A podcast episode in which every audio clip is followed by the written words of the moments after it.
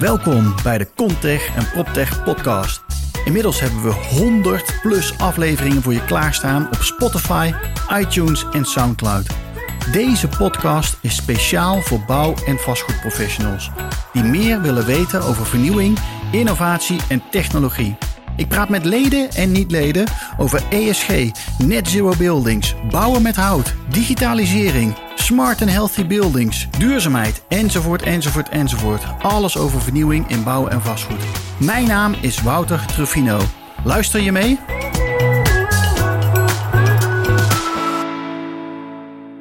We waren al een beetje begonnen. We hebben het over de indrukwekkende setup, uh, Daan. Ja. ja. Ik ben onder de indruk van jouw uh, installatie hier. Ja, dankjewel. Ja, we zijn elke keer als we een show hebben gedaan, dan doen we iets erbij kopen. Dus de verlichting is net nieuw. Uh, die hier, ja, dit ziet niemand, maar hierboven hangt een enorme lamp inderdaad, zodat we in het licht uh, zitten. Ja. Dus elke keer wordt het weer een beetje beter. Ja, het ziet er echt goed uit. Het is normaal altijd zo kaal overal omheen. Hè? Dat zie je nooit, maar dat is hier echt niet zo. Dus, ja. Leuk, Precies. Ja. ja. Hartstikke mooi. Welkom, Anke Verharen van de Rabobank. Dank je. Yvonne van Mierlo van Blauwhoed. Ja. En daar Gasveld. Die Urban Jungle Project. Yes. Zullen we maar eens beginnen met wat is jullie opgevallen deze week in het nieuws? Anke. Ja, uh, we hadden het net al stiekem over iets uh, wat mij was opgevallen, maar die pak ik toch maar niet uh, op. Ja, ik moet er eigenlijk best wel over nadenken. Dus ik denk eigenlijk dat ik eigenlijk niet zo op het nieuws heb gelet. Heel tegen mijn. nee, ik weet er wel één. Nou, daar ja, komt die. Dat was een beschouwende analyse over de flitsbezorgers dat flitsbezorgers oh eigenlijk bijdragen aan onze jachtige, haasterige intentie. En uh, je denkt van, hè, ik bestel snel wat, dus ik ben uh, efficiënt. Dat leidt eigenlijk tot meer tijd waarin je eigenlijk nog meer werk gaat doen. En dat vond ik een heel indrukwekkend uh, artikel, heel filosofisch. Zo van, weet je wel, waarheen leidt nou eigenlijk die weg met alle efficiëntie? Ja. Want ook de magnetronmaaltijd heeft er niet toe geleid dat wij meer tijd hebben, maar dat we zeggen ping en we werken weer door. Dus we vullen de tijd die overblijft. Uh, en ik woon zelf in de stad en ik, uh, ik heb best wel last van die flitsbezorgers die gewoon mij uh, elke meter die ik loop aanrijden, bij wijze van. Ja. Um, maar dat daar gelaten, we, we resoneerden dat bij mij wel zo van ehm, inderdaad, wat betekent, is dit een soort laatste stuiptrekking van onze kapitalistische maatschappij, hè, waarin we alles doen, of, of niet? Ik hoop eigenlijk het eerste. Ja, hoe zien jullie dat? Ja, ik vind dat ook wel een zorgwekkende ontwikkeling. Ik uh, heb zelf bij Picnic gewerkt en ik uh, weet oh ja, een beetje klopt, ja. uh, hoe die business case in elkaar zit. Dus daar ben ik sowieso heel sceptisch over. Dat je daar ooit op die manier geld mee kan verdienen. Maar los daarvan, je kent die film Wall-E nog wel toch? Van Disney. Dat we allemaal, de aarde is verbrand en we in een ruimteschip als dikke, obese mensen niks meer zelf kunnen. Dat is wel toch een beetje waar het naartoe gaat. Dat we... Wel op te lijken. het faciliteren van luiheid. En zij zeggen ook, Um, wij mogen lui zijn, want we werken allemaal zo hard. Daarmee zeg maar, praten ze het goed dat wij luiheid verdienen. En dat het dan fijn is dat je je, je kratje bier nog kan bestellen op een moment... Uh, en dan vijf minuten later bij jou voor de deur staat. Ja. Die dus ja, uiteindelijk... Zit ja, er zit volgens mij ook andere kanten aan. Vorige week zat, stond er ook in het FD volgens mij een heel artikel... Hè, van, uh, dat dit eigenlijk de laatste stuiptrekking is, zoals oh, je ja? zegt. Dus, uh, maar wat is dan de laatste stuiptrekking? Waar gaan we dan naartoe terug? Of wat is dan de volgende stap? Uh, alle bewegingen hebben natuurlijk een tegenbeweging. Ja. Dus uh, precies als wij het erover hebben, hebben waarschijnlijk toch echt meer mensen erover die daarover ja. nadenken. En die dan weer de kwaliteit juist van andere dingen gaan zien. Ja. Gaan zelf voedsel verbouwen op de daken in de steden. Dat zie ook heel veel. Ja.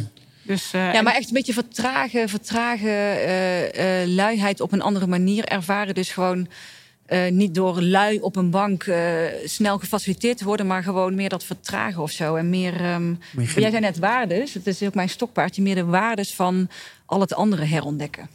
En niet de waarde van snel, efficiënt, uh, meer. Uh, al je zintuigen gebruiken. Ja, ja. ja het grappige is dat, dat al die uh, convenience proposities zijn erop gericht om te ontzorgen. En ik denk dat een goede ontwerper, of het nou om een dienst of een product gaat, die denkt eigenlijk, nou, hoe kan je net genoeg frictie in een ervaring brengen, dat iemand ook de, de reward ervaart van er ergens iets voor doen.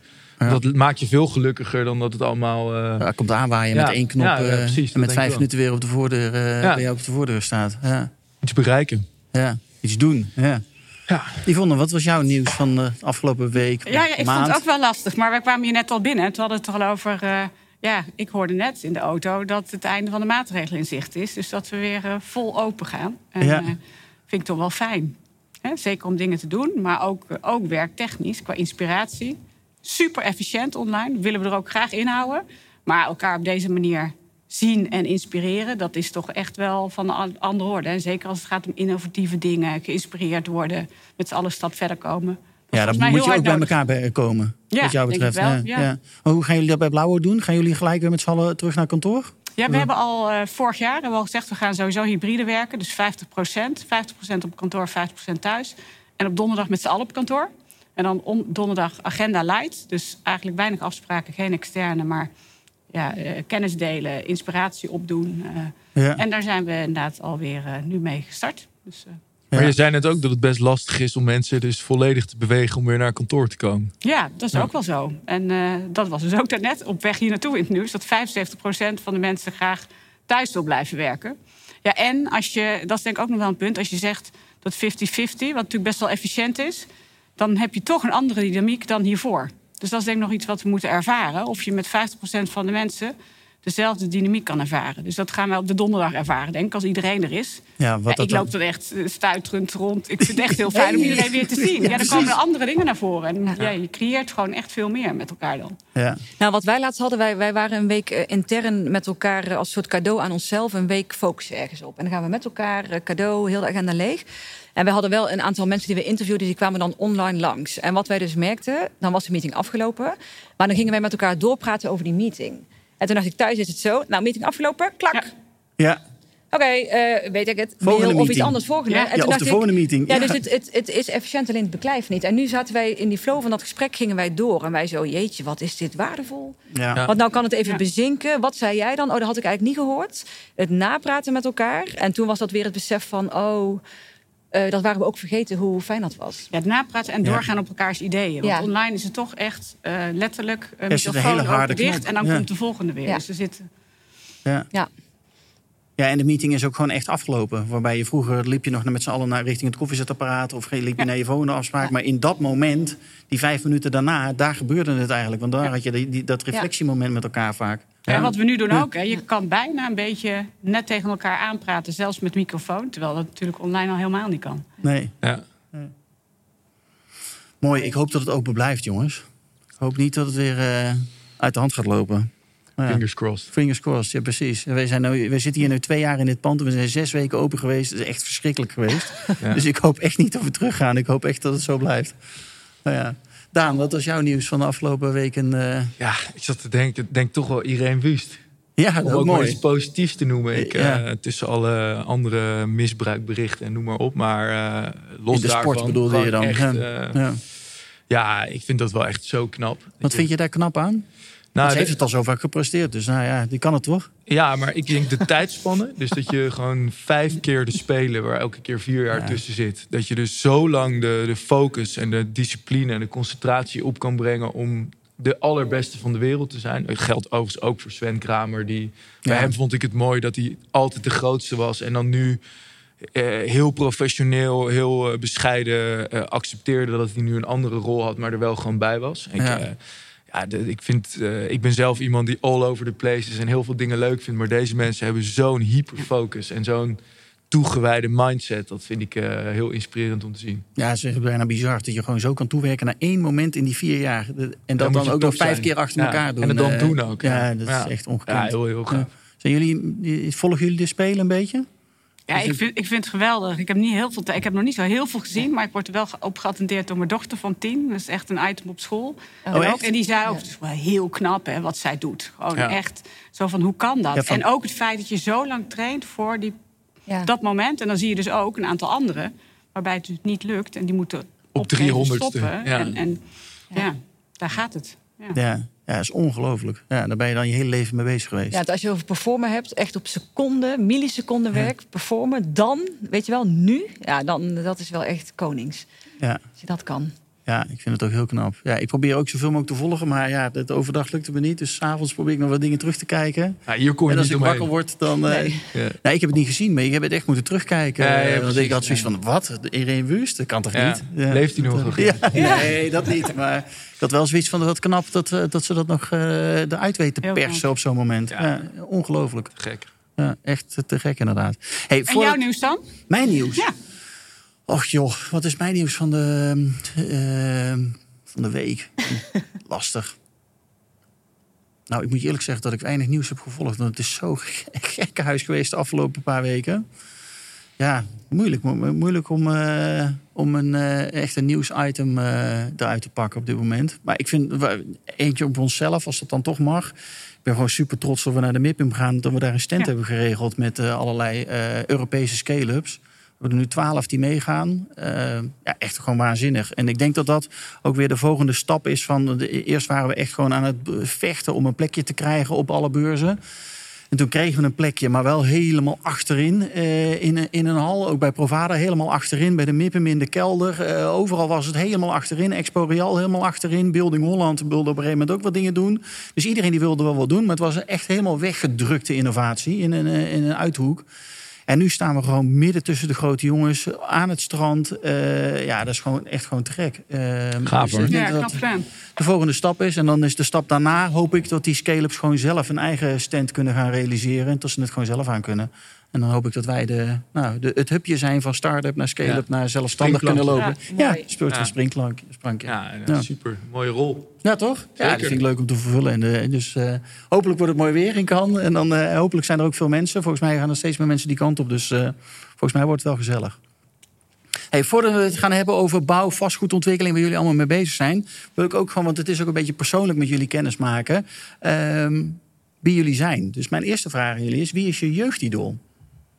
Anke, heb jij een jeugdidool gehad vroeger toen je klein was? Je zegt van, nou, dat was nou iemand.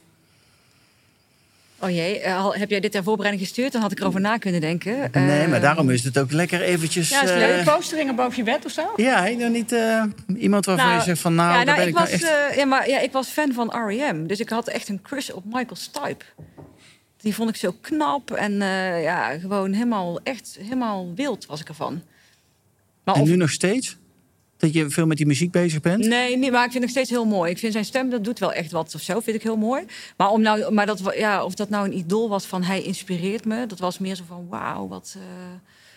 Maar niet een, een idool waar ik nou aan moet denken die, die mij inspireerde om, om wie hij of zij was. Nee. Maar misschien komt er zo eentje in me op. Dus ik geef even voor. Ja, ja, ik, ik, ik zit ook te denken met die posters. Ja, dat was echt wel op sport, denk ik. Richard Krajcek met name en die, uh, die server. Hoe heette die nou? Ja, uh, Van den Berg. Steven, Steven van den Berg. Ja, ja. ja. Oh ja. Ja.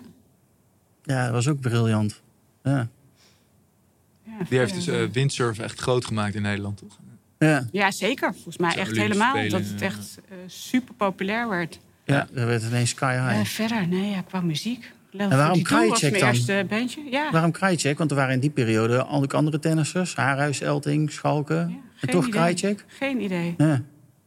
Ja. Misschien dat hij toen Wimbledon won in die tijd. Ik weet het niet. Ik weet het ook niet. Was. Welk jaartal was dat? Welke tijd hebben we het over? Dat was echt in de jaren 90. Ja, dit verraadt natuurlijk ook wel wat, hè? 98.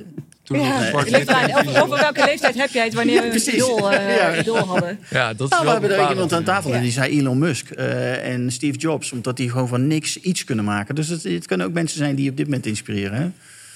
Ja, maar dat was niet toen je klein was. Ja, dan, nee. dan noem je wel hele andere mensen inderdaad dan, uh, dan ik als kind zou noemen. Maar en jij dan? Ja, ik denk dat in die fase als kind zat het voor mij ook wel in, uh, in sport en muziek. Ik vond uh, Guus Meeuwis altijd echt een, een baas.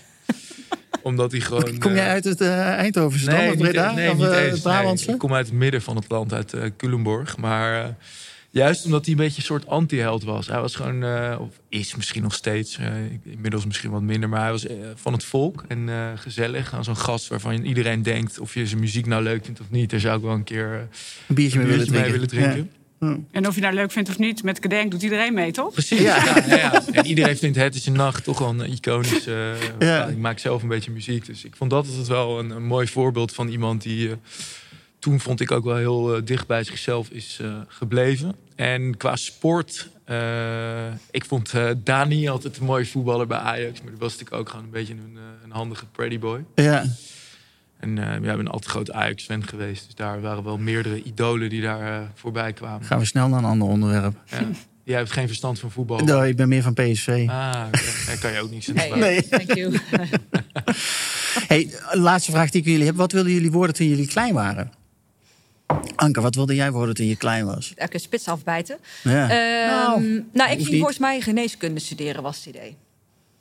Maar ik heb altijd wel, hè, want ik heb een hele erge ideële drijfveer. Ik was ook wel druk met uh, zure regen en het gat in de ozonlaag. Maar ik wist toen niet dat je dat kon worden, zeg maar. Want dat weet je dan niet. Dus dan werd je dokter of brandweer of zo, denk ik. Dus toen zat ik meer op die geneeskunde weg. Om arts te worden? Ja. En hoe ben je uiteindelijk dan de bouw ingerold?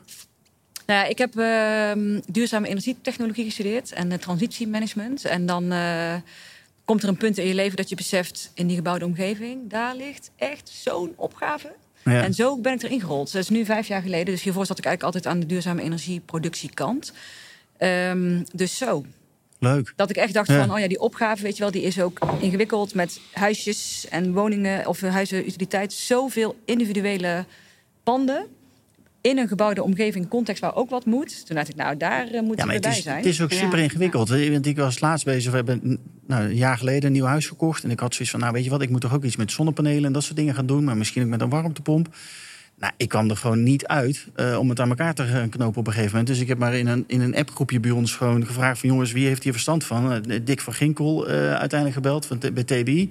Die zegt ook van, ja, dit is echt super ingewikkeld om dit, om dit te doen. Dus die wist een paar mensen in Nederland die dat echt verstand van hadden. Maar moet je nagaan, dan zitten wij nog in een netwerk met bouw- en vastgoedprofessionals. Ja. Maar als je dat niet hebt en je woont gewoon maar een, een straat... en je wil je eigen woning gaan verduurzamen, waar begin je? Ja, maar ook bijvoorbeeld, hè, ik, ik was deze zomer dus in Ibiza in de binnenstad. En toen keek ik ook om me heen. En toen dacht ik, hier moet dat ook. Hè, want elk huis moet uiteindelijk uh, toch energie-efficiënter worden. En dat is zo'n soort opstapeling van hier dakterras erop, daar nog een verdieping, daar een soort ja, ja. kabel. En toen dacht ik ook de, de grofheid of zo en de ongeorganiseerdheid van zo'n uh, oude binnensteden.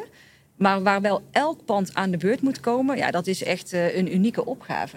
En andere sectoren ook, de industrie ook. Maar dan heb je zeg maar top 10 spelers. 80% van de CO2. Maar in de gebouwde omgeving is het alles en iedereen. Ja, precies. Dus zo kwam ik daarin terecht. Dat ik uh, op een gegeven moment dacht, daar zit een opgave die ook heel mooi is. Want daarom vind ik leuk dat jij er bent. Hè, dat groen. Weet je, het gaat over het pand, over de omgeving, groen, gezond. Uh, ja, daar zit alles in wat je als mens bijna nodig hebt of zo. Ja. Dus uh, zodoende. Maar er is nog heel veel te, te gebeuren dan. Ja, maar toen ik zes was, wist ik niet dat dat bestond, die baan. Dus uh, toen kon ik niet weten dat ik het wilde worden. Ja. Wat is dat voor jou geweest, oh, Yvonne? Wat wilde jij laten worden? Ja, ik, ik, weet, ik heb gehoord dat ik heel... Toen ik heel klein was, wilde ik uh, schrijfster worden. Maar ik denk stiekem dat ik uh, daar niet zo in uitblom. Dus dat het al heel duidelijk was dat dat niet ging worden. En uit vrij snel daarna, het moment zeg maar, dat je meer weet... was het altijd wel ja, eigenlijk altijd de, de, kant van innovatie, nieuwe dingen, maar ook waar behoefte aan is. Dus dat triggert me ook wat jij net zei, van, hè, dan moet het niet te moeilijk worden gemaakt. Dus gewoon ja. nieuwe dingen, maar waar wel behoefte... Ik vind vreselijk innovatie om de innovatie, daar, daar heb ik helemaal niks mee. Dus het moet een doel dienen. En mensen willen heel veel nieuwe dingen, kunnen het vaak moeilijk aangeven, wel latente behoeften. Dus dat soort, ja, dat heb ik altijd geweldig gevonden. Maar ook daarbij was het heel moeilijk van ja, wat ga je dan doen? Hoe ga je dat vinden? Ja, dan kun je geen naam of zo. Of geen, is er ook niet echt natuurlijk als baan? Wat ben je dan? Uh, en dan wil je nog een concrete baan. Terwijl wij nu weten volgens mij dat je heel veel dingen kan doen waar dat bij elkaar komt. En dat is dan niet concreet een beroep. Ja. Nee, dat is het inderdaad. Maar hoe ben je dan in die bouw uiteindelijk terechtgekomen? Ben je, ben je altijd al ja, ik heb bedrijfskunde gedaan, uh, uh, technologie en onderneming. Dus de kant, dus de, de technische kant van bedrijfskunde en de marketingkant. Ja. En uh, ja, toen ben ik gaan zoeken qua branches. Ik heb eerst in de telecom gezeten, daarna in de auto-industrie. En dan zie je natuurlijk hele leuke voorbeelden. En, en destijds ook bij een bedrijf die een bouwtak had, installatiebranche. En zo overstapt naar de opdrachtgever eigenlijk. Ja, en hier kan het echt, omdat je gewoon ook natuurlijk impact kan maken als, als ontwikkelaar... om echt aan de voorkant die dingen te bedenken. Ja, precies. Ja, Heel in ja. ja. En dan heb je dus echt een toegevoegde waarde in gelijk ook de toepassingen uh, die concreet ja. uh, een weg vinden naar de markt. Ja. ja, en juist die dingen die komen ook echt bij elkaar. Hè? Van wat er kan aan innovatie. Maar er moet dus ook markt voor zijn of voor worden gemaakt. Zeg maar. Ja. Daan, wat wilde jij worden toen je klein was? Ik wilde eerst naar de toneelschool. Toen ik tien was, was ik uh, Oliver in Oliver Twist. de musical. En toen wilde ik naar de hotelschool. En uiteindelijk ben ik media en entertainment gaan studeren. Niet een geweldige studie vond, maar uh, toen ben ik de muziekindustrie ingerold. En uh, dat was eigenlijk wel een droombaan. Dat vond ik echt, uh, dat lag wel heel dicht bij wat ik graag wilde doen. En ehm, met veel artiesten de wereld over gereisd. Van Passenger tot Mr. Props en de Simple Minds en nog een aantal andere. Oh, echt? Dus op ja. festivals gestaan overal ter wereld. Dat was echt heel gaaf. Cool. Maar alles went uiteindelijk. Ja. Toen vond ik die innovatiehoek toch heel interessant. Dus toen ben ik bij Picnic gaan werken. Maar tot nu toe heb ik mezelf elke drie jaar een beetje opnieuw uitgevonden. En wat ik heel leuk vind, uh, ik heb dus ook niet heel bewust voor de bouw gekozen. Dat is meer het gevolg van wat wij nu aan het doen zijn. Maar uh, ik vind het heel leuk om uit mijn comfortzone te stappen. En dan in zo'n nieuwe wereld te rollen. Waar uh, gelukkig mensen als jij ons bij de hand nemen. En iedereen een beetje introduceren en leren kennen. Dus dank daarvoor. Um, En dan moet je die dynamiek weer ontdekken. Van welke partijen zijn uh, hier stakeholders in bepaalde vraagstukken. Hoe kun je die leren kennen? Hoe kunnen we een verhaal vertellen waarmee we die aan boord halen? En uh, hoe, hoe werkt het eigenlijk in deze business? Dus voor mij was de Provada een vuurdoop van vastgeroeste dynamiek en nieuwe dynamiek. Ik vond een beurs met twee gezichten. Ja. en, en ja, ik vind dat heel leuk. Ik ben graag op glad ijs wat dat betreft. Ja, leuk. Ja, nee, ik hoop dat het. Uh, nee, het Provada begint natuurlijk straks weer in, in juni. Ik mag toch hopen dat het allemaal weer allemaal in volle bak weer, weer doorgaat. Ja, en er komt een mooie beurs in september aan ook.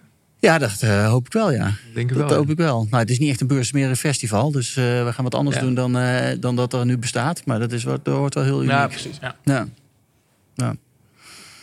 Maar wat doen jullie nu? Kun je daar eens wat, wat over vertellen? Ja, wij, uh, ik ben een van de initiatiefnemers van de Urban Jungle Project. En wij vergroenen op plekken waar het anders niet kan. Dus we zien eigenlijk door urbanisatie, de voorspelling is dat in 2050 twee derde van de wereldbevolking in de stad woont. Die stad wordt steeds dichter en in combinatie met klimaatverandering zie je steeds meer hittestress, uh, waterproblematiek, luchtvervuiling. Uh, en de natuur is eigenlijk de oplossing, maar er is gewoon weinig plek in de stad. Dus wij hebben gezegd, en mijn vader is landschapsarchitect, dus die heeft die groene achtergrond samen met een innovator uit uh, Delft zeven jaar geleden nagedacht. Hoe kunnen we nou groen terugbrengen in die stad? En toen was het idee, nou, er ligt heel veel ongebruikt dakoppervlak in de stad.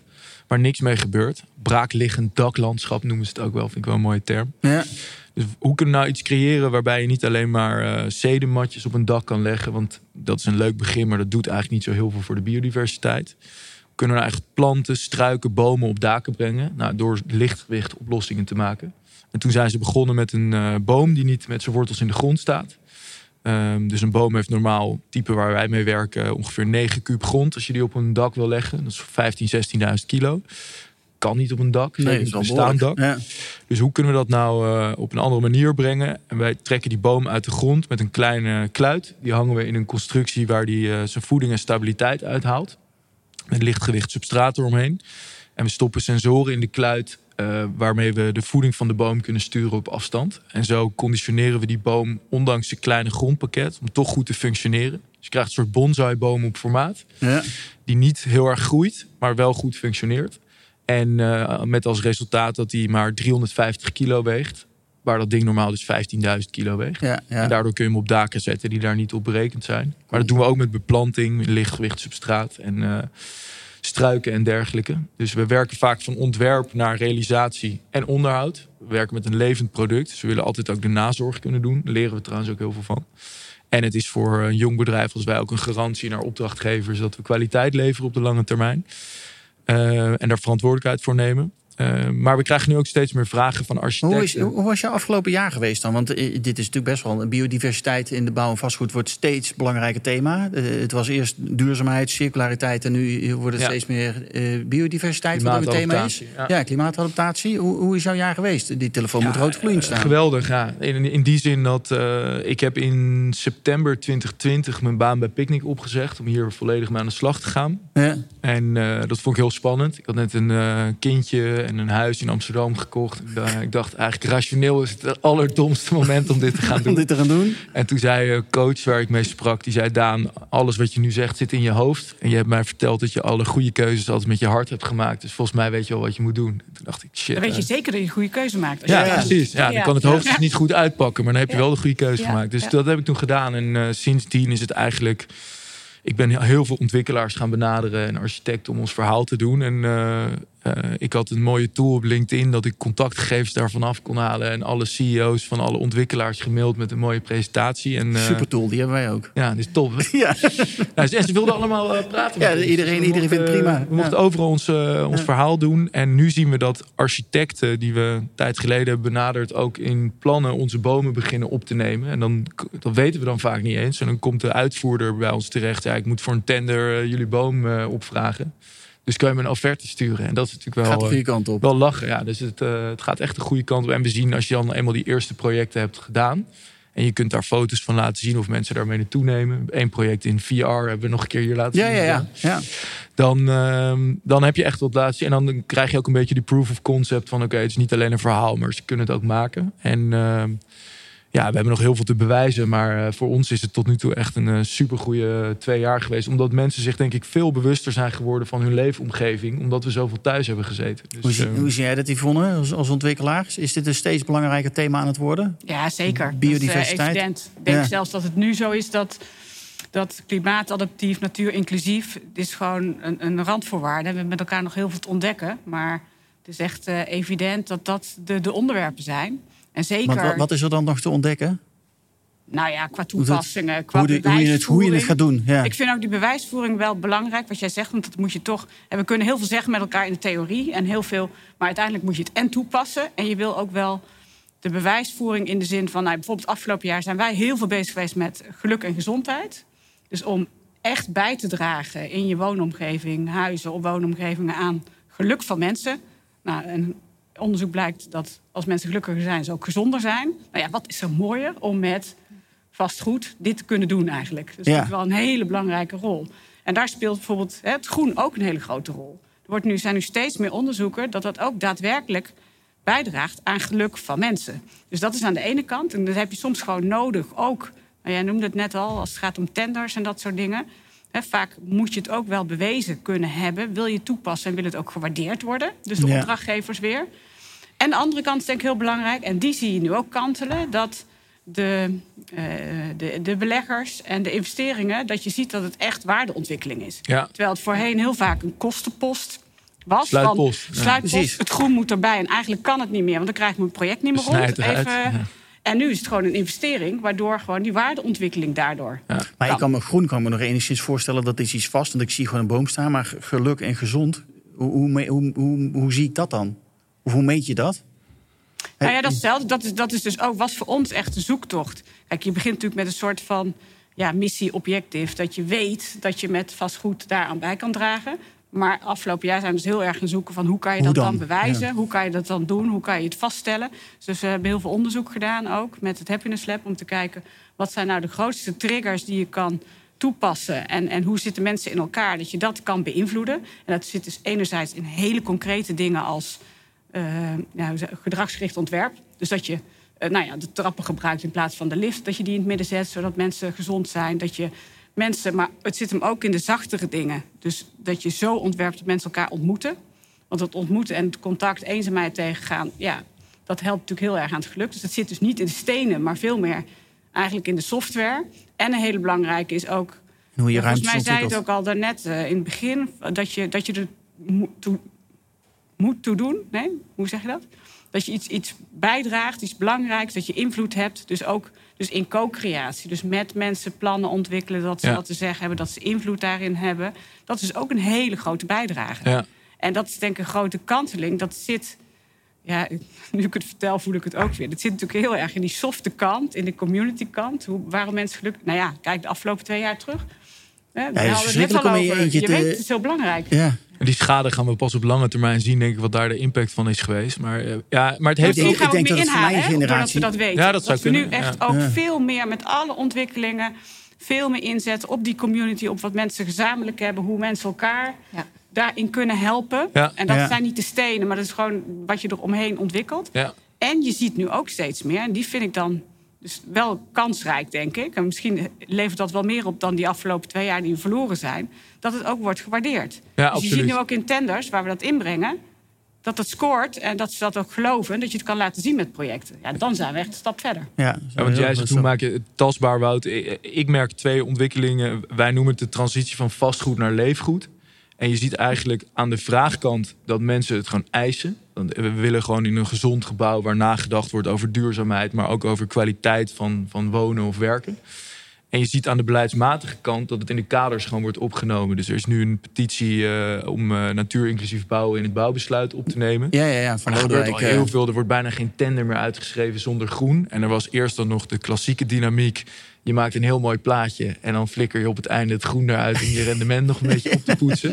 Maar er wordt nu ook gezegd, uh, volgens mij uh, in de Valley, als ik goed heb begrepen, is gewoon gezegd: oké, jullie winnen deze tender, maar je gaat het precies uitvoeren zoals je het op die render hebt neergezet. Ja. En dat is denk ik een hele goede ontwikkeling, want dat soort pioniersgebouwen heb je ook gewoon nodig dat we buiten de rendementskaders gewoon uh, ontwikkelaars de, de durf hebben om na te denken: we gaan gewoon iets doen wat nog niet gedaan is. We gaan het gewoon proberen. En dan gaat het misschien een keer qua rendement iets minder. Ik weet niet of dat hier aan de orde is, maar dat soort projecten. Ja, of het lukt misschien nog niet helemaal, maar dat maakt niet uit. want we zijn in ieder geval wel bezig. Ja, maar volgens mij moet je dan dus juist gaan kijken die stap verder. hoe het wel wat kan opleveren. Nou dus geluid uh, qua. Uh, hitte, klimaat, het groen. Weet je, als je dat meeneemt. Maar er is onderzoek nu volgens mij. Uh, ja, dus er moet altijd ergens waarde zitten. 15% ja, waardevermeerdering. wordt er. Hetzelfde is met subsidies. Het moet gewoon een duurzaam model zijn. Ja. En dat moet met groen ook zo zijn, want anders dan werkt het niet. Ja, maar wel waar leg je de, de horizon? En als je een belegger die eigenaar blijft en die kan je uitleggen: oké, je pand wordt gewoon 15% meer waard. Dat is een duidelijke business case.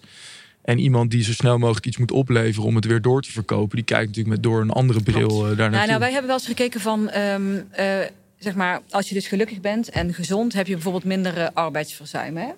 Um, je kost minder geld voor de verzekering. Dus wij hebben ook een keer bij Rabobank proberen te kijken van kunnen wij dan niet al die stakeholders erbij pakken. Hè? Want je wil eigenlijk zeg maar um, het, het onderaan de streep terugverdienen, wil je eigenlijk echt laten terugkomen. Dus dat je die waarde ja, monetair maakt. Dus oké, verzekeraar, jij hebt dadelijk gewoon minder kosten omdat deze mensen gezonder zijn. Of uh, gemeente, jij hebt minder rioolkosten, weer een heel ander onderwerp, omdat het water beter wordt opgevangen. Nou, je komt natuurlijk acuut op een Poolse landdag waarbij je acuut mhm. afhaakt van uh, hoe gaan we dit dan managen. Maar ik zou dat graag een keer eigenlijk helemaal willen doen. Om dus niet alleen de waarde als in er zit een waarde, maar dat die ook echt gaat stromen. Dus hier, de hier zetten we 10% meer investering op. Uh, maar dat krijgen we terug van die verzekeraar, omdat die zeg maar 20% minder uh, ziektekosten heeft.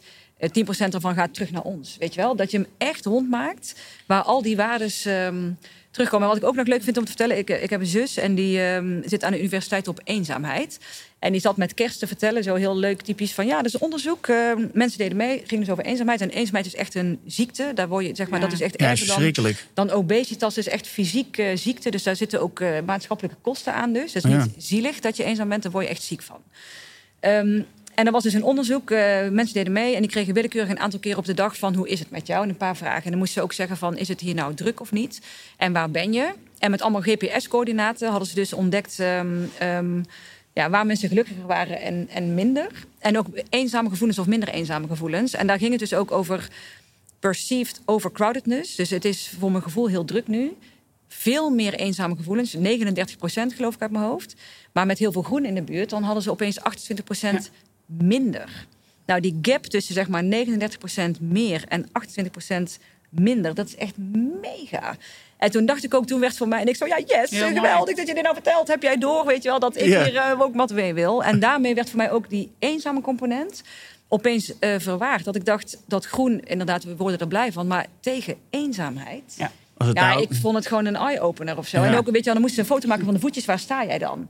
En allemaal van die smoezelige voetjesfoto's van verstedelijkte, versteende gebieden. Ja. En ongelukkige gevoelens, weet je wel. En dat was voor mij eigenlijk een een eye-opener dat, dat eenzaamheid ook echt zo... Want in die, die verdichte steden, weet je wel... hoe meer mensen, hoe eenzamer ik me voel. Terwijl ik ben helemaal niet verbonden. Ja, want je bent alleen omdat je niet verbonden bent. Want ik zie jullie wel, maar ik behoor er niet bij. Weet je wel, ik ben alleen. Ja, maar super, super belangrijk thema. En ik ga het jou opsturen, want ik denk dat jij daar mooi onderzoek vindt. Want ja. echt, hier zijn we zoveel mee bezig. Want denk, als je het hebt over maatschappelijke impact... dan is denk dit... Iedereen weet hoe erg het is, eenzaamheid. Maar we weten echt niet ik geloof, ja, die cijfers inderdaad, hè, van een van de drie mensen die nog steeds kerst alleen viert terwijl ze dat niet willen. Die cijfers zijn zo gigantisch. Ja, maar zij overlijden ook eerder, weet je wel. Het is, echt, het is echt fysieke effecten. Heb je en daar kunnen, kunnen dus echt als vastgoedbranche ook serieus wat aan doen. Ja. Nou ja, we hadden het laatste keer, achter jullie hangt inderdaad de puls. Die eh, hadden we uh, vorige week, was Mark Vriends hier van, van Vorm. Uh, toen hadden we het onder andere over, over puls. En ook voor hoogbouw dus. Ja, allemaal hartstikke leuk en aardig. Maar hoe die mensen die gaan daar naar boven en dan zijn ze weg. En als dan de deur dicht gaat, dan zijn ze dus inderdaad gewoon op zichzelf. Ja, en helemaal disconnected en hoe, met, en met, disconnected met alles wat er, wat er is. Hoe krijg je dan, hoe creëer je ruimtes waar mensen wel willen zijn en waar wel die verbinding ontstaat? het lijkt me een enorme uitdaging inderdaad. Ja, maar wel een hele mooie uitdaging. Maar er gebeuren wel echt vette dingen. Ik was hier net om de hoek bij een uh, ontwikkeling waar jullie ook bij betrokken zijn. En daar hebben ze dan een gigantisch studentencomplex tegenover het AMC. En daar zit een, een sportschool in en een bioscoop en een wasserette en een piano stond er in de gang. Maar er was ook een studio waar je muziek mocht maken. En ze maken eigenlijk al die super high-end faciliteiten maken ze voor geloof ik 600, eh, 650 euro per maand voor een student best wel bereikbaar. En je ziet dat er overal in het gebouw gewoon interactie plaatsvindt. En je hebt wel de privacy om naar je eigen kamer te gaan. Maar het maakt, dat zei die, die vent wel mooi. Uh, je hebt eigenlijk hele beperkte privéruimte. Die, die kamers zijn best wel klein. Maar de gepercipieerde ruimte is heel groot. Omdat je al die publieke gemeenschappelijke ruimte hebt. En ik denk dat we gewoon als vastgoedsector, jullie als vastgoedsector, heel kritisch moeten kijken naar met wat voor visie uh, kijk je naar ontwerp. En hoe breng je mensen bij elkaar. En hoe spelen dit soort thema's erin. En dat moeten we enerzijds meer kwantificeren. Om, om de case gewoon harder te maken. En anderzijds denk ik ook wel dat er zoveel meer besef is in de maatschappij over de thema's waar we aan de slag moeten. Dat je, je hoeft ook niet altijd alles te kwantificeren. Want mensen snappen best wel intrinsiek dat dit soort thema's heel belangrijk zijn. En ik denk dat daar ook een groot verschil zit. gaan naar wat werkt er wel en wat werkt er niet. Want als het werkt dan hè, ziet het er best wel simpel uit. Ja. Wat je net zegt bij Oude Domein ook, dan zie je echt dat het werkt. We hebben een paar maanden geleden daar de opening gehad.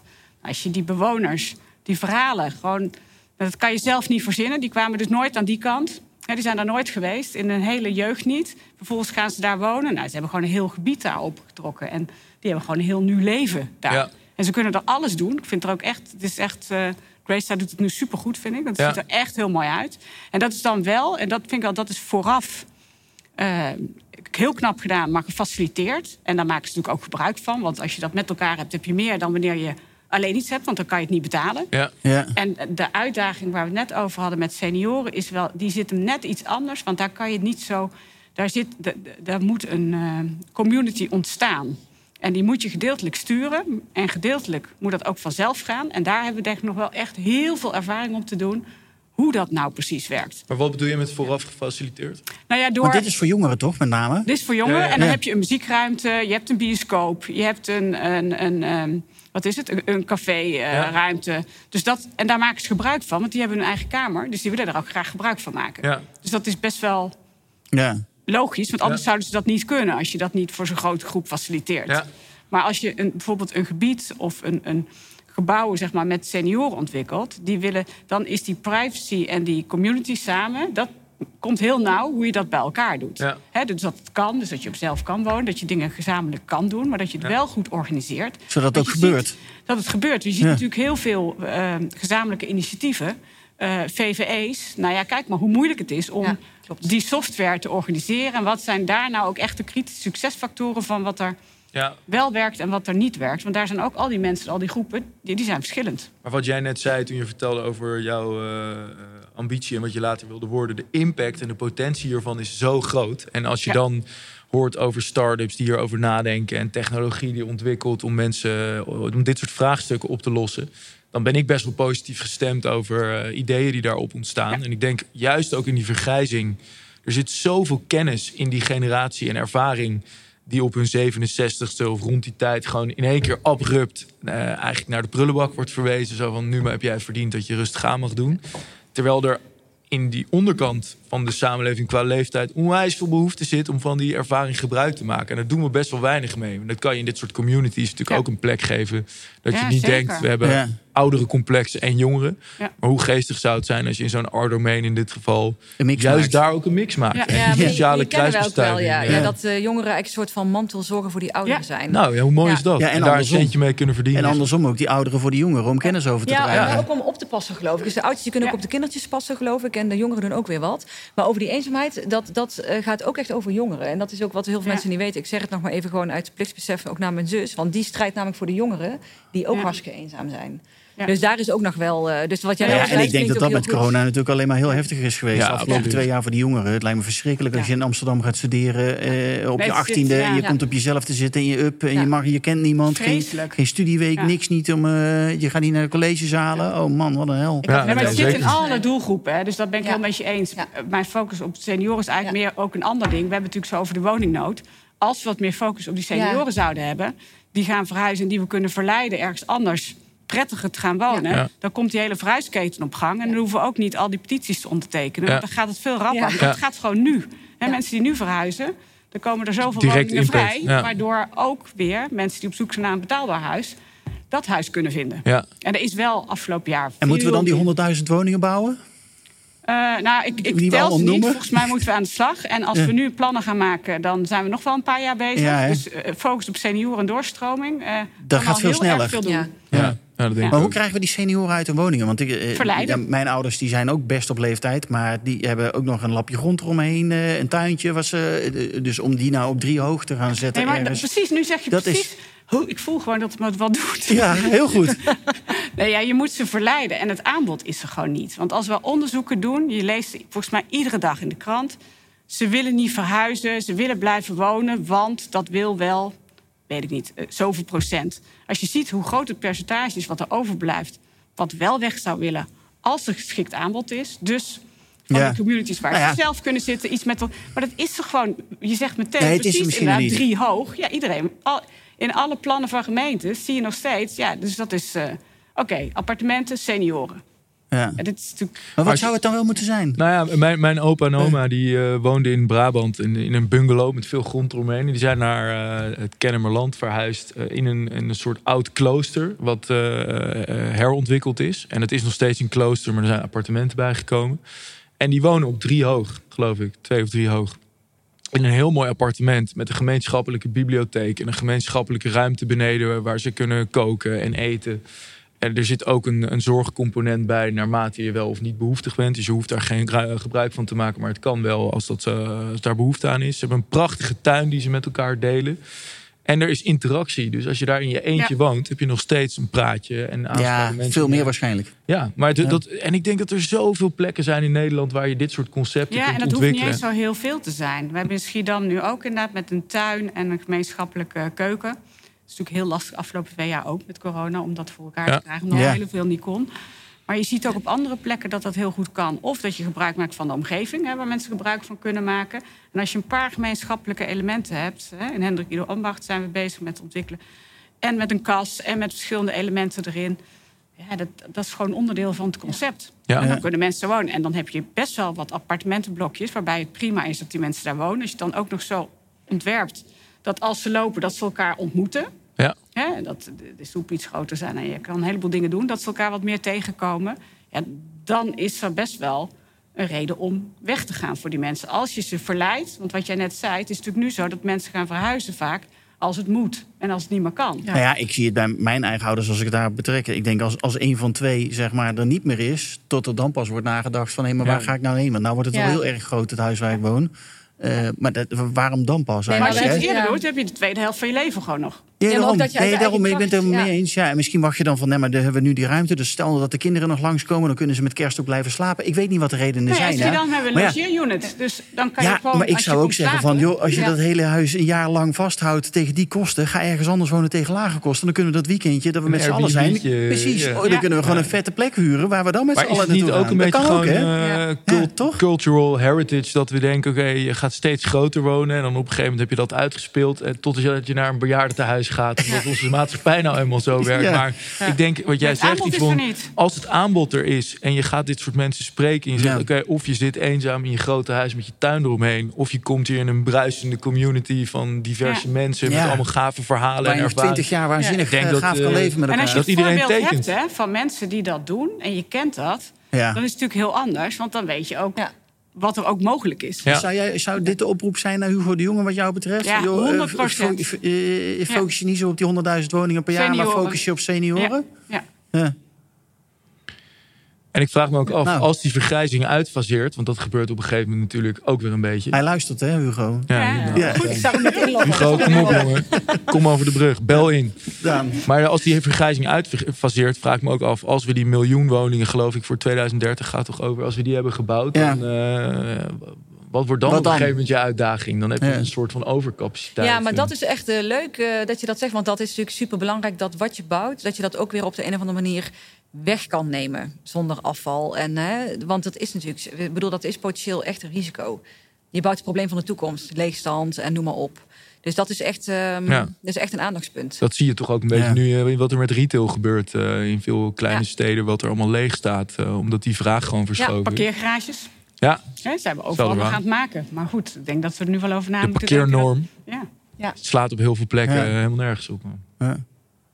En dat is moeilijk als het tekort nu zo groot is, om daar dan ook nog rekening mee te houden. Ja, ja om daarover na te denken. Ja.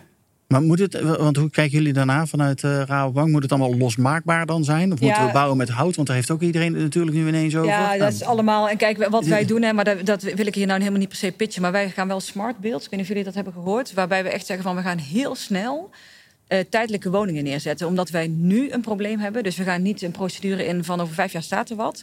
Maar een beetje onder het mom van koude gronden warm maken. Uh, voor 15 tot 30 jaar ja, circulair in de zin van uh, weinig milieudruk, geen afval, maar ook echt weghaalbaar. Ja, en dus moet losmaakbaar zijn. Ja, losmaakbaar dus weg te halen. Dus, en dat het niet dat het dan afval wordt, maar dat het iets anders wordt. Uh, met als doel nu, zeg maar nu bouwen, zo snel mogelijk. En um, uh, het weg kunnen halen als het niet meer nodig is. En dat is natuurlijk wel een heel mooi idee. Je kunt je wel afvragen, weet je, als schoenmaker blijft bij je leest. Wat gaat een bank nou uh, doen? Uh, zitten wij opeens woningen te ontwikkelen? Maar uh, wij hebben als waardes hebben wij wel echt wonen en duurzaamheid. En die komt daar wel in samen. En dat is natuurlijk wel echt een mooie oplossing. Mits je dus van gemeentes de, ja, de gronden krijgt waarop dat kan. Ja. Maar ja, dat is wel dat mooi eigenlijk maar vanuit mij bezien. Want dit is gewoon wat mijn collega's doen. Daar heb ik echt verder niet echt involvement mee. Behalve dat ik het heel leuk vind en meekijk. Maar en dat dat losmaakbare. Maar dat heeft ook alles te maken met gewoon circulair ja, herhaal ik mezelf, maar geen afval. Dus geen afval meer. Dus slimmer ontwerpen. Um, ook in het kader van die senioren, weet je wel, oh, muurtje erin, muurtje eruit, kindje erbij, uh, extra kamertje, kindje ouder, kamertje weg. Dat je gewoon ook die gebouwen allemaal veel meer adaptief maakt. Zodat je niet in je enorm reusachtige huis oud zit te zijn, maar dat je misschien kan zeggen, weet je wat, we choppen hem door midden, omdat dat kan met die wandjes, nieuw voordeurtje erin, gezinnetje ernaast. Ja. Dan hoeven de oudere mensen misschien niet door te schuiven, dus dat je veel meer um, daarmee doet. Ja. Ja, dat, is, uh, dat zei Huid ook wel eens Oud-Zuid. Ja, de, uh, allemaal grote huizen. Maar waarom mogen die niet gesplitst worden in Amsterdam? Dat is toch gewoon ongelooflijk? Ja, en als het ook tijdelijk mag. Hè, want het is allemaal heel spannend als je meteen dingen vastlegt. Maar misschien is het tijdelijk even een oplossing. Dus veel meer, ja, gewoon echt flexibeler denken. Over functies en over um, uh, ja, dat, dat soort dingen. En gewoon beter omgaan met de ruimte die er is. Hoe gaan we voor elkaar nou ja, er is nu, de, nou, ik weet niet, maar de City Deal circulair en conceptueel bouwen... die, die hebben wij in ieder geval ook ondertekend. Ook omdat wij als bank een rol hebben van oké... Okay, Um, moeten wij dan anders gaan uh, waarderen? Moeten wij anders gaan afschrijven? Moeten wij uh, anders financieren om het gewoon mogelijk te maken? En het doel van die City Deal is, wij doen voor het eerst aan een City Deal mee, dus ik weet niet zo goed wat, wat normaal de gang van zaken is, om heel erg diep te gaan op een, onder, op een uh, echte ontwikkeling bijvoorbeeld. Deze is er echt, die pakken we en hier gaan we nou echt helemaal stuk op waar het wel of niet kan, om daar echt uit te leren van hoe het moet. Maar ja, of dat zo gaat uitwerken, weet ik niet. Maar daar zitten wel goede intenties in. Het gaat over industrieel bouwen, dus snel. Het gaat over biobased, dus inderdaad hout, maar ook uh, vlas, hennep, al die biobased materialen. Ja. Uh, en dan een lijn van hoe financier je dat dan? En biodiversiteit. Ja, nou die zit er niet in, maar die raakt een beetje aan. Uh, Hoezo zit die er niet in? Ja, die zit er, die, die zit er niet als doel in, zeg maar. Het is, dit is maar wel heel mooi. En ik hoor hier ook een oproep naar gemeentes. Dus, uh, ja. Toch? Ja, om gewoon flexibeler om te gaan. Want dan denk ik ook een braakliggend stuk terrein. Wat een ellende. Ben blij dat daar iemand ja, maar best, in de praktijk is het heel lastig. Ja, dat blijkt. Ik, ik maar wat maakt het dan lastig? Ja, waarom? ik weet het ook niet. Houden ze dan vast aan hun gronden? Nee, ik denk dat we hier nog een lege stoel aan tafel Ja, precies. Daar hadden we in de gemeente iemand aan uh, ja. ja, maar het is wel, want ik kom zeg maar ook niet echt uit de bouw, jij ook niet. En dan is de mooie verwondering, hoezo? Ik zat laatst in de trein en ik zag een stuk land. Het kon niet erger. Uh, bij Breda, net buiten het station. Toen dacht ik, waarom wil een gemeente dit? Rammel daar, morgen nog, uh, die woningjes op. En misschien staan ze er maar een jaar, maar als ze goed zijn ontworpen, dan kun je ze ook gewoon weer weghalen, verplaatsen op een andere plek. Je hebt ook veel meer ruimte om andere delen in de stad ook aan te pakken. Ja. Want daarmee creëer je ruimte die er nu gewoon niet is. Ja, En je maakt onveiligheid uh, veiliger, hè, want zo'n stuk uh, terrein is heel naar. Dus uh, maakt daar woningen, een stuk sociale veiligheid. Maar oprecht, zeg maar, is, ik weet echt niet waarom dat zo ingewikkeld kan zijn. Kan ik niet begrijpen als een naïveling aan de zijkant waarom, waarom. Maar hoe zie jij dat dan, Yvonne, als vastgoedveteraan? Ja, en jullie zitten aan de knoppen. Jullie nemen initiatief om dingen te ontwikkelen. Ja, en hoe zie ik wat? Wat, nou, wat, wat, wat zie jij dan als de obstakels? Want jij, jij zegt, hoe gaan we het doen? Maar in principe zijn jullie een partij die het kunnen doen, toch? Uh, nou, we hebben dezelfde partijen nodig, denk ik, in dit geval. Want uh, wij hebben ook. Ja, uh, kijk, Blauwhoed heeft echt als ontwikkelaar weinig grondposities van oudsher. Dus wij ontwikkelen echt met concepten en nou ja, met plannen om dan iets te kunnen gaan doen. Dus je hebt daar altijd de andere partijen bij nodig. Hè? Ja. Iets vaker zijn dat ook de beleggers, maar ook de gemeentes, die natuurlijk ook heel vaak vastzitten aan allerlei procedures, uh, concurrentie, uh, noem maar op. Dus, ja. ja. en weet je, maar wat ik ook wel zie. Eigen visies en gedachten, wat ze dan willen. Ja, verkiezingen ja. komen er weer aan. Verkiezingen, uh, ja, er zijn natuurlijk een heleboel andere werelden die bij elkaar moeten komen, waarbij het gezamenlijk moet doen. Ja. Maar ook zoiets als tijdelijkheid, hè? Want um, heel vaak is iets helemaal niet tijdelijk. Want ik zat zelf ook in een faculteit in, tijdens mijn studie, die was daar voor eventjes. Nou, we hebben laatst 65-jarig jubileum gevierd van dat ding. En dat was echt zo in de winter branden, zeg maar, dan bevroor je als je binnenkwam en in de zomer fikte je eruit. Dus echt ook een rotgebouw. Maar het stond er gewoon super lang. En ik denk dat dat ook wel met tijdelijkheid is. Ja, is dat wel tijdelijk? Of gaan we dan stiekem toch laten staan? En dan is natuurlijk de angst dat je door snelheid te maken lelijkheid toevoegt aan de wereld. Iets wat niet goed functioneert. Ja. En daar blijft dan staan. En dat is ook wat nu een aantal architecten hebben gezegd: van je let op dat we door snelheid niet uh, lelijkheid toevoegen aan uh, onze steden. Ja. En aan onze maar ja, volgens mij hoeft dat tegenwoordig uh, helemaal niet meer. Ja, het is, kijk, over smaak valt ook niet te twisten. Maar ik denk wel dat er een risico zit als je zegt... we rammen nu tijdelijk wat nou, neer. Het staat er over 30 jaar nog. Ja, eigenlijk was nee, maar dat is niet alleen... En dat snap ik. Ik denk dat dat een argument is. Maar eigenlijk gaat het natuurlijk niet op. Want het argument van die tijdelijkheid... dat geldt namelijk ook met nu zo snel mogelijk... zoveel huizen willen bouwen. Ja. Ja. daar is ook, loop je ook wel een risico dat het ten koste gaat... van alle andere punten waar we het net over hadden. Ja, ja. denk ik. En dat zou ik toch ook wel heel zonde vinden. Zeker als er andere oplossingen zijn. Want daar doe je het niet voor. Hey Yvonne, waar ben je nu mee bezig met de huidige projecten... waar je zegt van nou, daar ben ik echt trots op wat we aan het doen zijn met Blauwhoed? Afgelopen jaar stond dus in het teken van geluk en uh, gezondheid. En senioren. En senioren. Uh, ja, en nog heel veel meer dingen. Maar dat zijn denk ik wel de dingen waar we echt uh, heel veel kunnen toevoegen. En ik denk dat daar ook uh, voor mij en voor Blauw het echt het punt zit. Als je het hebt over natuur inclusief, waar we het net over hadden. Senioren, eenzaamheid noemde je al. Al dat soort elementen. De social impact zeg maar, die we hebben. Uh, dat vind ik zelf een hele mooie ook als drive. Ik denk dat het nu zo hard gaat veranderen dat we in no time zo is dat de, de echte maatschappelijke meerwaarde die je als vastgoedbedrijven, bouw, uh, ontwikkelaars hebt, dat dat het verschil gaat maken. Dus dat dat ook bepalend is voor de waarde die je ontwikkelt. Dat iedereen dat gaat zien, maar ook voor de gelegenheden die je krijgt om iets te kunnen doen, om dat gezamenlijk te doen. Dus dat je aantoonbaar die maatschappelijke meerwaarde. Dat is natuurlijk echt een totaal ander beeld dan de snelle commerciële ontwikkelaar. Ja, ja, precies. En, ja, maar en, dat is voor mij niet tegenstrijdig. Hè? Want uh, bedoel, wij zijn een commercieel bedrijf. Uh, je kunt geen groen bedrijf zijn als je rode cijfers schrijft, zeggen we altijd. Nee, nee. Nou ja, net commercieel scherp om gewoon alles voor elkaar te krijgen. Maar dat geldt ook aan die consumentkant, waar we natuurlijk al jaren mee bezig zijn. Dat dat zo in het DNA bij ons zit. Dat het ook is op het moment dat je iets moois maakt, wat ook echt waarde toevoegt voor mensen. Daar willen ze ook echt voor betalen. Dat zie je ook gewoon. Dat dan is het gewoon de waarde die je toevoegt. En ik denk dat die, die maatschappelijke component, die is nu zo. Het is zo momentum ja, echt, hè? om dat met elkaar in te vullen. En ik denk ook dat je daarmee eerlijk gezegd ook echt wel het verschil gaat zien de komende jaren. Tussen de verschillende partijen. En dan moet partijen, je met die ontwikkelaars die dat, die dat wel willen doen, en partijen die denken van nou weet je wat, ik ben gewoon stenen aan het stapelen. Stenen aan het stapelen of ik doe het wel alleen, bijvoorbeeld. Hè? Die komen ook nog regelmatig tegen. Van de week ook weer een gesprek over gehad met een partij. Zo van, nou ja, nee, ja, we willen het liever alleen doen. Nou, dan zie je toch dat de gelegenheidsverschaffer zegt van... nou ja, dat, weet niet of dat nou zo lekker voelt. Als het gaat om co-creatie, met zo'n plan heb je allerlei partijen... die je daarin mee moet nemen. Dat zien we jullie toch eerder doen. Ja. Dus ja, ik denk dat dat... En dat is een mooie uitdaging. We hebben nog genoeg te doen, denk ik. Dus, uh... ja. Zeker. Ja. Daan, wat is het voor jou? De toekomstplannen? Nou, wij zijn, Dingen waar je nu mee eh, bezig bent, waar je trots op bent. Concreet uh, bezig met een aantal projecten. We gaan voor een uh, VVE in Amsterdam-Oost. Dat heb ik net verteld, of niet?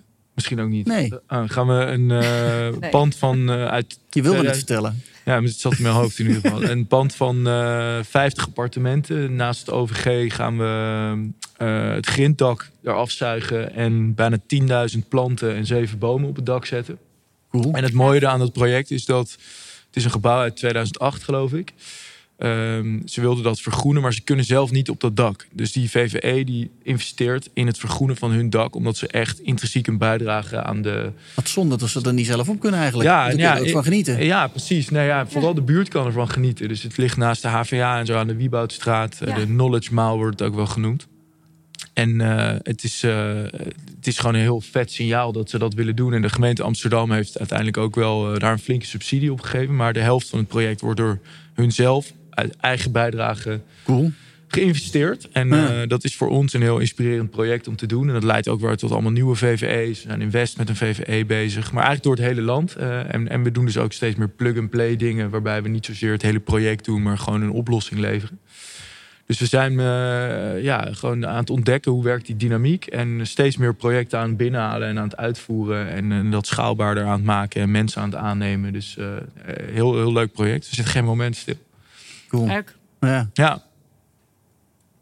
Leuk. Jongens, ik wil jullie bedanken en dames. Ik vond het een heel gezellig uur met elkaar. Ja, we zitten bijna. Een uur. Ja, want Ja, ik wil echt- vertellen wat ik ook wilde. Ja, Dat is ook nou, zo ja, maar nou, Anke, nou, heel jawel, snel tuurlijk dan. wel, Ik vind heel kan mooi. Want eh, zeg maar, wat ik echt heel mooi vind... Ik werk voor Rabobank, hè, de landbouwbank. En er is ook eh, in de landbouw natuurlijk heel veel te doen. Daar zit ook echt een Ja, grote uitdaging. zo. Ja, en wij zijn nu met een groepje bezig. Hè, die week wat ik net zei, we hebben elkaar als- als cadeau gegeven om te focussen. Om echt te kijken van hoe kunnen we nou die biobased bouwmaterialen... en die uitdagingen in de landbouw gewoon connecten met elkaar. Dat we Ja, gewoon het Daar zit een logische verbinding volgens ja, mij, toch? want er zijn Ja. gewoon boeren die hebben problemen met nitraat, met allerlei eh, dingen, stikstof, eh, sowieso eh methaan uitstoten. Dat is een heel erg broeikasgas. Als we nou eens die, die boeren zeg maar, bij hun lees laten blijven en dus gewassen kunnen laten telen, waar wij de bouwproduct van kunnen maken. Ja, dat is gewoon een prachtige oplossing. En dat, dat vind ik nou heel mooi, waar wij ook op de Floriade wat mee willen gaan doen. Echt gewoon een nieuwe keten maken. Dus de boer die produceert niet meer voor de voedselsector, maar die produceert Ja. voor de bouw. Weet je wel, hoe, hoe, hoe raar Ja, eh, andere... Want het klinkt natuurlijk financieel heel eh, logisch. Van, van, van die boer die moet van dat vee af. eh, want daar willen we toch mee stoppen waarschijnlijk. Dus dan financieel is het slim voor hem om met gewassen te gaan doen. Maar ik kan me ook voorstellen dat het best wel ingewikkeld Ja, het is mega Want hij heeft natuurlijk al waarschijnlijk generaties lang... worden Ja. er varkens, kippen of weet ik geiten. Nee, wij spraken ook zo'n melkveehouder en die zei... ja, maar ik hou van dieren. Ik hou van precies. dieren. Ik ga toch geen stengels in mijn grond zetten? Oh ja, natuurlijk. Maar wij hadden naïviteit, want wij zo... yes, we gaan een week undercover... en dan gaan we alle mensen uit veld spreken... en na die op vrijdag, dan hebben wij... Dan hebben we het staan, ja. Nou, ik ben helemaal confus. Maar het leuke was ook... weet je, ik zat een keer als niet-expert... oh, lekker, hè, vragen stellen aan de ander.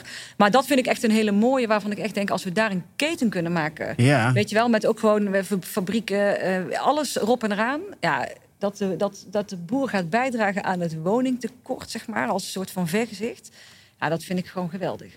Ja, dus daar heb ik nog kunnen. even de tijd genomen om dat even Ja. te noemen, omdat ik dat echt mooi, eh. Mooi. heel mooi vind hoe je verschillende transities bij elkaar kan Ja. brengen. Ja. Ja. Nou, ik denk dat dat hartstikke mooi is. En daar is nog een hele wereld te winnen, denk ik. Ja. Eh, maar die, en als die gewonnen wordt, dan is het voor Ja, iedereen en een als heel je van stuk dieren beter. houdt, dan hou je toch ook van de natuur. Dus dan, eh, Dat was ook het argument, maar wil je dan niet wat terug doen voor de maatschappij? Ja, eigenlijk wel. Ja, oké. Maar Ja. goed, eh, in ieder geval het narratief, we moeten nog heel veel eh, doen. Nou, en op een gegeven moment gaat het gewoon gebeuren. Dus Ja, you're- of you're je in or you're out. Ja. Ja, Ja. Dit is voor hun een soort van Kodak-momentje. Dat denk ik wel, ja. Ja. blijf je filmrolletjes produceren of ga je mee in het digitale tijdperk? En als je Achteraf denken we dan, eh, hoe dan? Hoe heb je Ja, het hoe dan? Maar, ja, eh, ze hebben het zelf bedacht, de het is digitale makkelijker camera bij Kodak. gedaan, denk ik. Als je al zo lang gewend bent iets te doen. Maar eh, Ja, dit lijkt me super ingewikkeld. Ja. Dank jullie wel. dat Dankjewel, jullie hier waren. Dankjewel. Ja, we gaan dit soort gesprekken eh, eigenlijk acht keer per jaar gaan we dit doen. Dus eigenlijk niet in de zomerperiode, maar wel alle andere maanden gaan we. Hoe is het nu met eh, een aantal van onze leden eh, gaan we voeren. Wat we ook gaan doen is dat we een ref eh, draait door hebben. En die zit eigenlijk gekoppeld aan het festival wat we in september gaan organiseren. 20 tot 22 september gaan we drie dagen lang op de Zuidas een kennisfestival organiseren op verschillende plekken, ook op de Zuidas. Dus Vesteda doet mee, uh, nou Loyens en Louvre, ABN AMRO, Circle, verschillende plekken, Annexum. Verschillende plekken gaan we dus uh, kennissessies organiseren over die toekomst van die bouw- en vastgoedwereld. Maar we hadden zoiets van dat moet ook duurzaam zijn en dat moet ook veel langer duren. Dus die drie dagen is voor ons te kort. Dus we hebben gezegd, we gaan elke eerste vrijdag van de maand gaan we een REF Studio organiseren hier aan deze tafel. Nodigen we mensen uit, uh, uit het veld om het ook over die thema's te hebben die dan in september terugkomen. De volgende sessie is op 4 maart. Uh, dan hebben we nou, vanuit Blauwhoed Philip Smits te gast, onder andere. Daar kun je ook live bij aanwezig zijn. Dus we hebben twintig uh, gasten kunnen hier aanwezig zijn. En dan wordt het ook een soort van de Wereld Draait Door-achtige editie. Dus we hebben het een beetje gehad van de Wereld Draait Door. Want het moet een gezellige setting moet het worden met een borrel en een biertje erbij. Eerste vrijdag van de maand dat je gelijk goed genetwerkt kan beginnen. Maar het gaat dus ook over die thema's. Het gaat ook echt over inhoud. Dus het moet een heel jaar doordraaien om deze thema's waar we het vandaag ook over gehad hebben met elkaar een stap verder te krijgen. Dank jullie wel dat jullie hier waren. Hele fijne dag. En uh, ik hoop dat jullie elkaar uh, snel weer zien. Dankjewel, Wouter. Wouter van Nieuwkerk. Ja, ja. zoiets. Dankjewel. Dankjewel.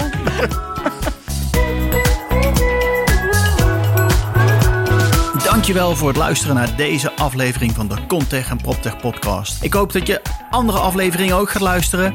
Maar ik hoop dat je natuurlijk ook een keer naar ons clubhuis komt in Amsterdam. Waar wij om de twee weken een masterclass organiseren over verschillende onderwerpen. Maar ook altijd op de eerste vrijdag van de maand een draait door show maken. Een echte tv-show met publiek aanwezig. Waarbij we natuurlijk borrels organiseren. Zodat mensen elkaar kunnen ontmoeten en netwerken met elkaar. Zodat er een beter gebouwde omgeving gecreëerd kan gaan worden. Ik hoop je snel te zien. Of in ieder geval online of fysiek. En ik wens je nogmaals een hele fijne dag toe. Tot snel!